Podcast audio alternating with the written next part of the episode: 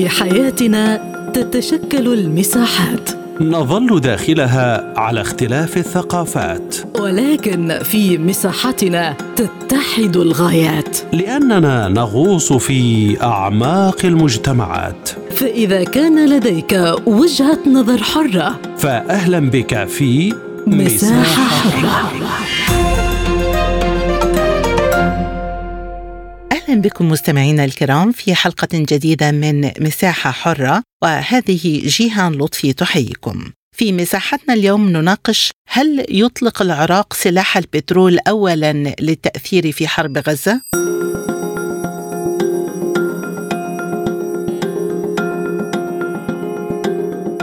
كشف مصدر حكومي عراقي لقناة روسيا اليوم عن مباحثات تجريها الحكومة العراقية لتخفيض العراق إنتاج النفط بعد قرارات القمة العربية الإسلامية حول غزة. وقال المصدر إن رئيس الحكومة محمد شياع السوداني اجتمع السبت مع وزير النفط ومستشاريه لبحث اتخاذ قرار بخفض تصدير النفط بواقع مليون برميل يوميا من الحصة المقررة للتصدير. وأوضح المسؤول أن هذا القرار قد يتخذ بسبب عدم توصل القمة العربية الإسلامية إلى قرارات فاعلة لإيقاف إطلاق النار في غزة فهل يطلق العراق سلاح البترول اولا للتاثير على حرب غزة حول هذا الموضوع تدور نقاشاتنا في حلقة اليوم من مساحة حرة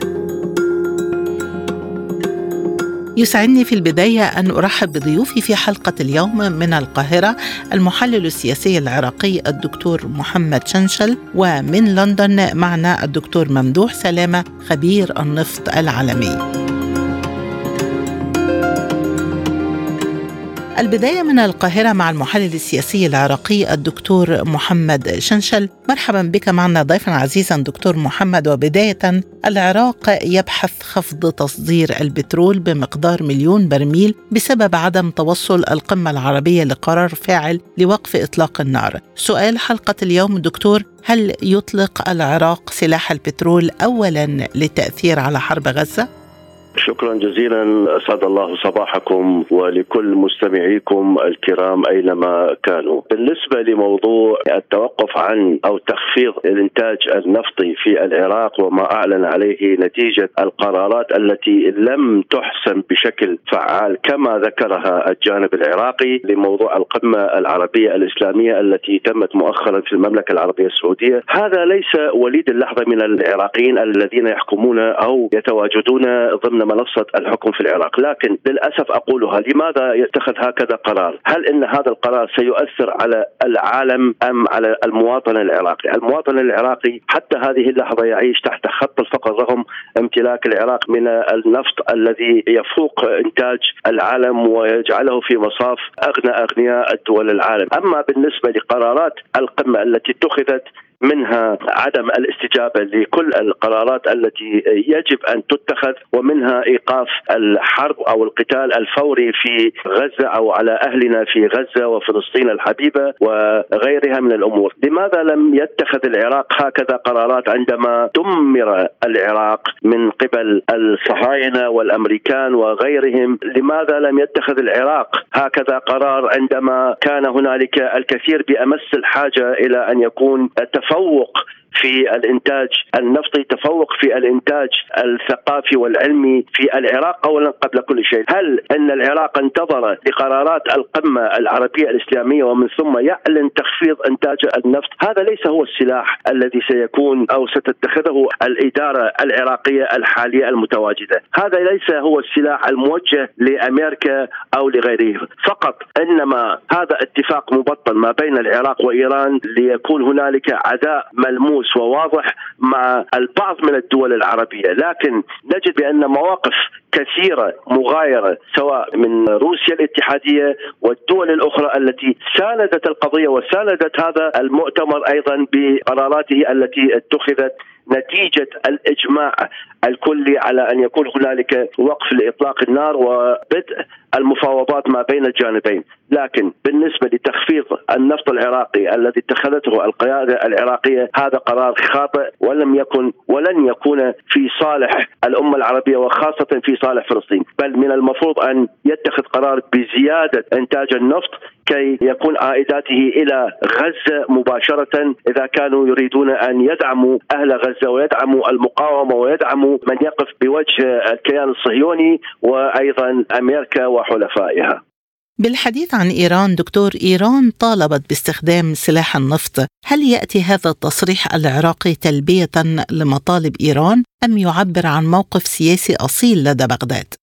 أنا كنت سأقول بأن هذا الموقف نعم داعم لإيران، لماذا؟ طيب لماذا إيران لم تتخذ هكذا قرار؟ لماذا إيران لم تتخذ بأن يكون هنالك جزء من إنتاجها النفطي هو داعم لغزة أو داعم لفلسطين، كما هو متخذ منذ عشرات السنين، نجد بأن إيران تتخذ مقولة بأن لديها فيلق القدس وجيش التحرير وإلى آخره، ولم تحرك ساكنا تجاه أهلنا في فلسطين أو في غزة تحديدا، لكن هذا القرار الذي اتخذته القيادة العراقية هو يصب في صالح إيران ومن ثم سيحول هذا التخفيض إلى إعلان بإنتاج وفره من النفط سيكون عائداته إلى من؟ إلى إيران، إيران التي تتخذ الجانب الإعلامي ولم تتخذ الجانب العسكري أو السياسي بشكل معلن أو كما عهدنا في الكثير من الدول العربية أو الدول الصديقة التي تتخذ هكذا قرارات وخاصة دول أمريكا اللاتينية التي وقفت بكل بسالة وشجاعة تجاه القضية الفلسطينية أو تجاه ما يجري الآن على الساحة الفلسطينية في غزة.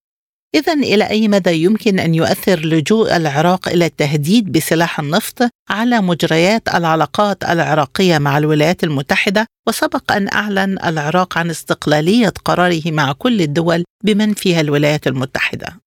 اولا لا يملك العراق القدرة على تهديد واضح لهذه المهام ولن يستخدم النفط كسلاح يهدد به من يشاء. هو لربما العراق يتخذ هكذا قرار ليوجه التهديد لمجموعة من الدول العربية. فقط ليس إلا وبما فيها غزة، لكن يتخذ العراق جانب الصمت أو التحفظ مع جمهورية تونس هذا يثير الشك والريبة أيضا. ويفترض من الجانب العراقي أن يتخذ قرار حاسم وقوي ورادع تجاه ما اتخذت من قرارات لهذه القمة التي انتهت قبل يومين أو ثلاث، أيضا إن عملية خفض إنتاج النفط هو ليس السلاح الذي يمتلكه العراق ليكون رادعا للكل، العراق لا يمتلك القوة كي يهدد جيرانه أو يهدد أصدقائه أو يهدد ما يفترض أن يهدده ألا وهي الولايات المتحدة الأمريكية والكيان الصهيوني. لكن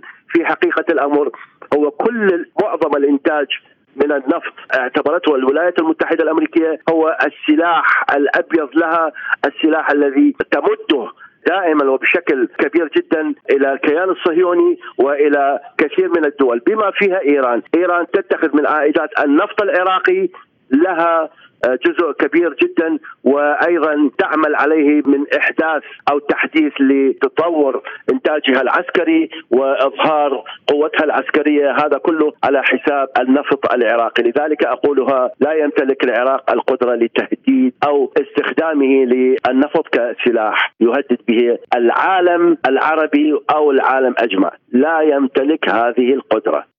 إذا برأيك دكتور هل تلجأ بغداد للتنسيق في هذه الخطوة مع الدول العربية؟ وماذا عن موقف الرياض التي سبق أن أعلنت أنها لن تستخدم النفط أو أوبك في القضايا السياسية؟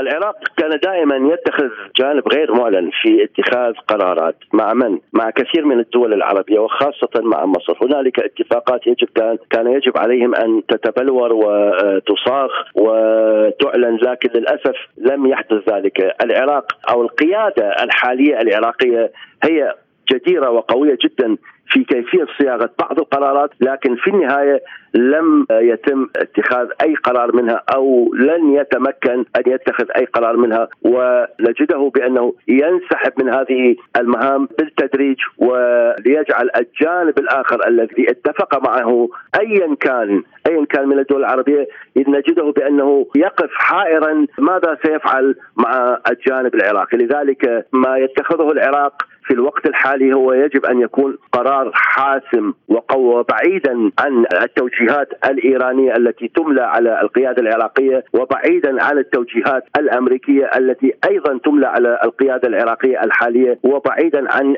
أي قرارات تأتي من الخارج ضمن الأجندة العالمية التي تملى على القيادة العراقية الحالية. يجب أن يتخذ العراق قرار شعب الشعبي أو يمثل الشعب العراقي بكل صراحة وبكل وضوح. أيضا هنالك دعم يجب أن يكون موجود بشكل مستمر وصريح وواضح إلى أهلنا في فلسطين وغزة تحديدا. ومن ثم موضوع استخدام النفط لإعادة هيكلة التنظيم في داخل غزة يجب أن يكون ذلك ويجب أن يكون قرارا حاسما من القيادة العراقية تجاه هذه المواقف الصعبه التي يمر بها الوطن العربي وخاصة بعد أكثر من 37 يوم على بدء الحرب في غزة. ونجد بأن هنالك العشرات بل المئات بل الآلاف من الشهداء والجرحى والمصابين تنزف دما من غزة ولم يحرك لها ساكنا، القمة العربية الإسلامية التي جرت منذ يومين تعتبر قمه فاشلة كما ونوعا وموضوعا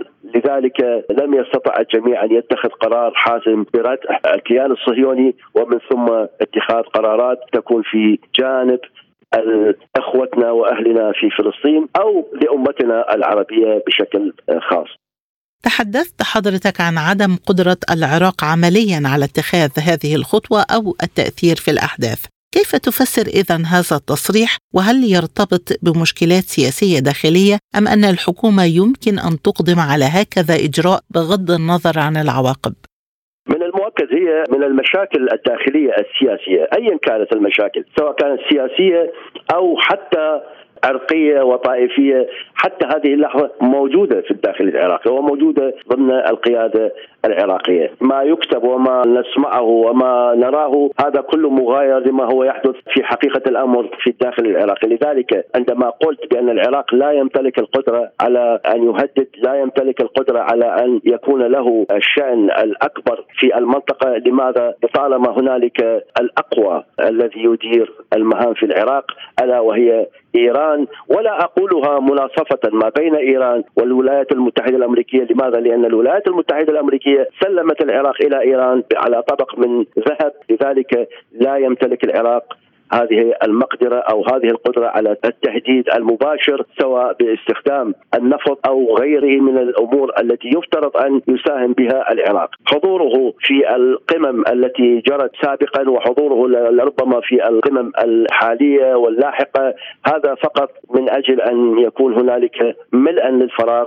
وأيضا للإعلام هو استعادة العراق لوضعه الطبيعي على الساحة العربية والدولية، لكن أرجع وأقول بأن العراق لم ولن يقدر ولن يستطيع أن يهدد كائن من يكن من الدول التي يفترض أن تهدد بشكل واضح وصريح ألا وهي الولايات المتحدة الأمريكية والكيان الصهيوني وإيران، لماذا؟ لطالما الإيران يحكم بإدارة إيرانية بحتة. في ظل حالة الاستقطاب الدولي الحاد هل وضع هذا الموقف العراق في حلف محور إيران وماذا سيكون موقفه إذا ما توسع نطاق الحرب في غزة على مستوى الإقليم؟ من المؤكد. يعني حتى هذه اللحظة ما يعلن من الجانب العراقي بأنهم على تواصل لما يحدث في قطاع غزة ويتخذ مجلس الوزراء العراقي في جلساته التي تعقد بشكل دوري بأن يكون هنالك قرار رادع للقضية الفلسطينية أو ما يجري على الساحة الفلسطينية ويوجه أيضا ضمن قراراتهم بان يكون للكيان الصهيوني وقف القتال الفوري كما حدث في قرارات القمة الأخيرة، لكن إذا كان العراق يريد أن يسيطر تماما على هذه الأمور يكون يذهب بشكل فعال وبشكل صريح وواضح إلى الكثير من الدول المساندة للقضية الفلسطينية وخاصة المجابهة والمواجهة لفلسطين والكيان الصهيوني ومنها مصر والمملكة الأردنية وغيرها من الدول العربية التي تساند يفترض أن تساند القضية الفلسطينية. لكن يجب على العراق أو القيادة العراقية أن تتجه أو تتوجه إلى مصر بكل قوتها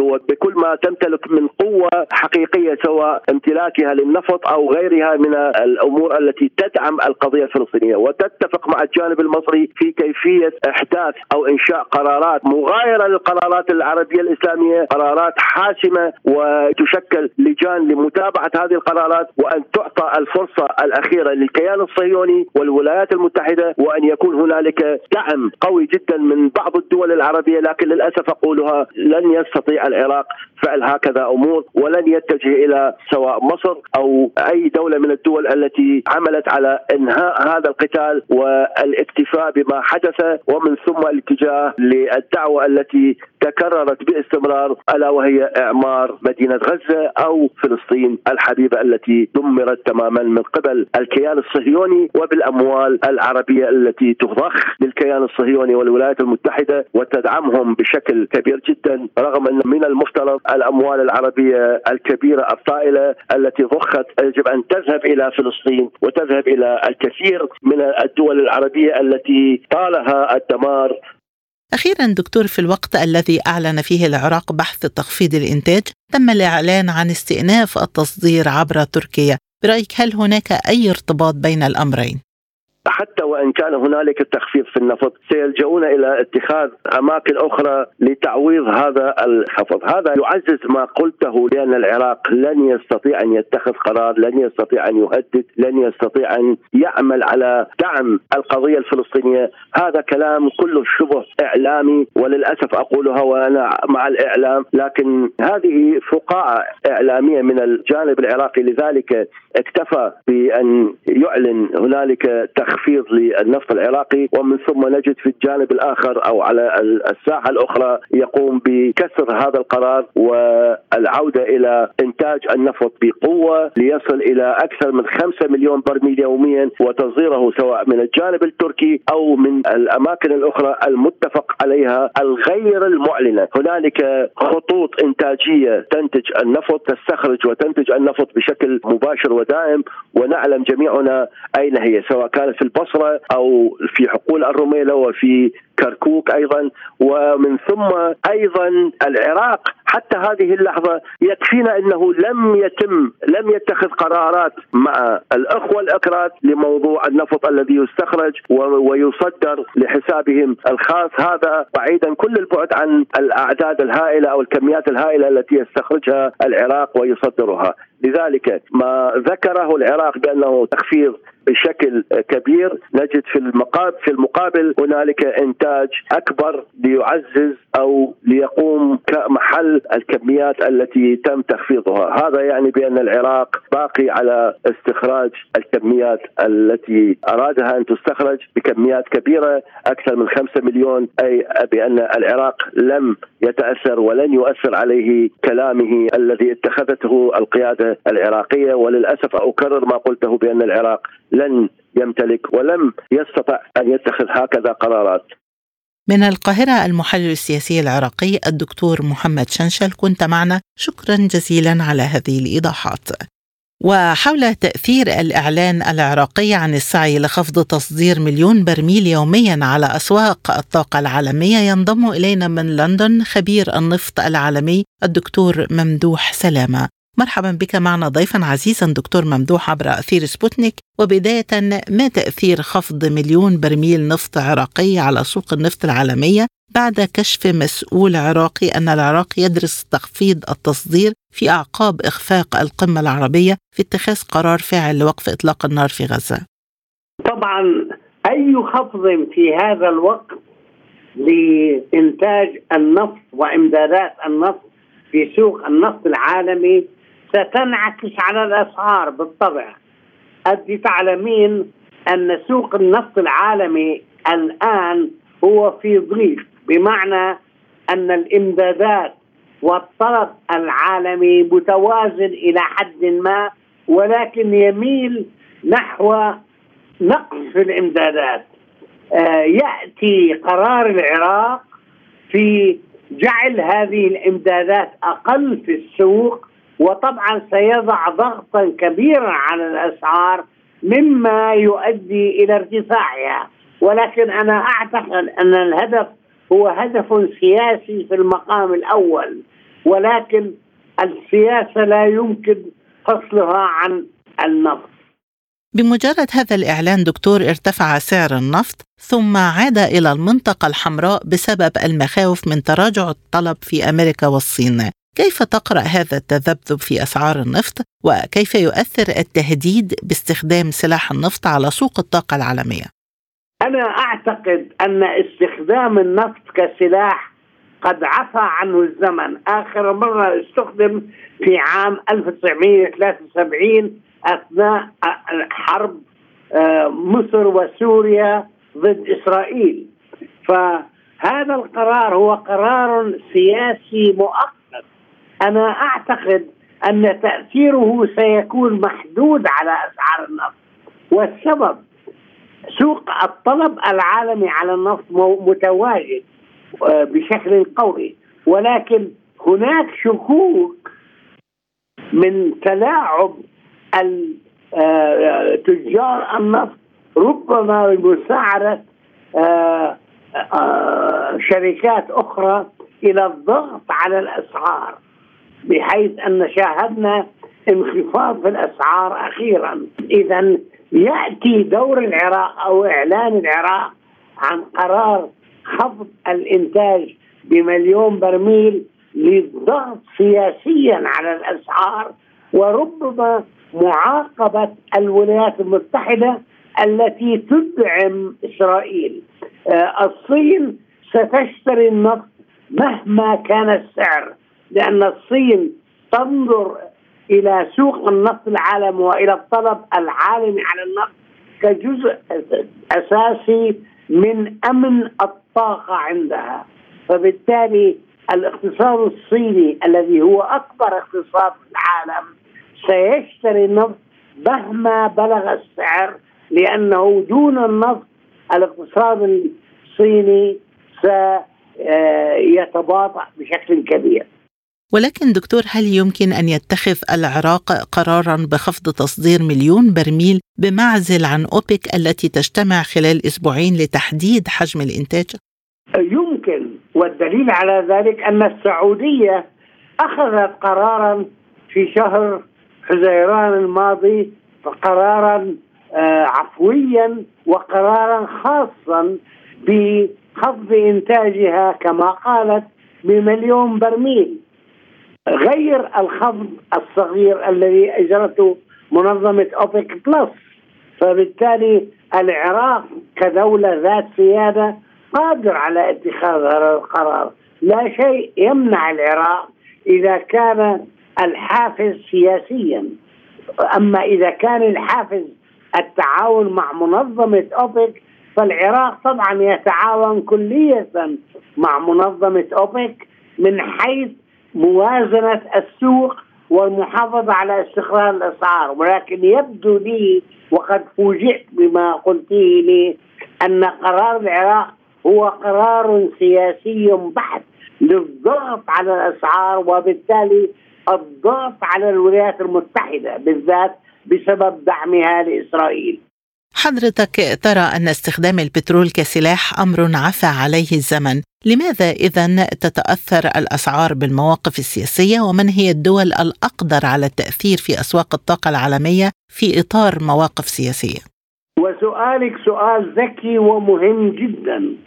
عندما استخدمت السعودية ودول الخليج العربي العقوبات فرضت آه، عقوبات على إسرائيل والولايات المتحدة في عام 1973 كان كانت مفاجأة لسوق النفط العالمي في ذلك الحين وطبعا كان تأثيرها ضخما جدا على آه الاقتصاد العالمي الذي خفض نسبة نموه بأكثر من 6 إلى 8% سواء في اليابان والولايات المتحدة وأوروبا وبقية العالم. منذ ذلك الحين تغير اقتصاد العالم. صار أقل تعرضا لتهديدات من هذا النوع بسبب نرى أن عندما طالبت إيران بفرض حظر على صادرات النفط إلى إسرائيل والدول الداعمة لها آه، منظمة أوبك آه، صبت ماء باردا على ذلك والسعودية ودولة الإمارات لم تكن مستعدتين للقيام بذلك لمعرفتهما أنها لن تنجح. ولكن قرار العراق يختلف كليا. هو قرار سياسي محدود لإرسال رسالة إلى الولايات المتحدة أنه طالما أنت تدعمين إسرائيل وأنت تستوردي ما زلت ما يقرب ما بين 8 إلى 9 مليون برميل قرار من هذا قد يؤدي بهذه الظروف إلى ارتفاع الأسعار. ولكن هو في المقام الأول والأخير قرار سياسي لتوصيل رسالة إلى الولايات المتحدة. كخبير عالمي في النفط الدكتور هل هناك أزمة طاقة عالمية؟ كنا نتحدث قبل وقت قصير عن تخمة في أسواق النفط والآن نتحدث عن أزمة طاقة عالمية، ما هو الوضع وإلى أين يتجه سعر الطاقة؟ سيدتي ليست هناك تخمة في السوق التلاع الضغط الهائل الذي تتعرض له الأسعار ليس مرده لأساسيات سوق النفط العالمي أساسيات السوق قوية جدا الطلب العالمي قوي جدا طلب الصين يكسر أرقام قياسية هذا العام وباستمرار والسوق في ضائقة.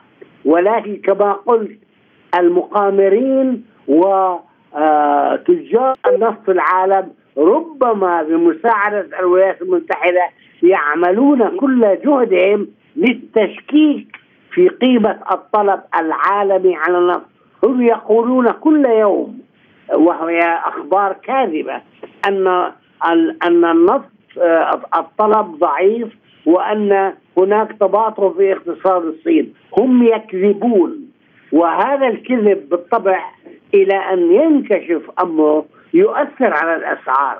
ولكن السوق ليس في تخمة ولن يكون في تخمة بالعكس.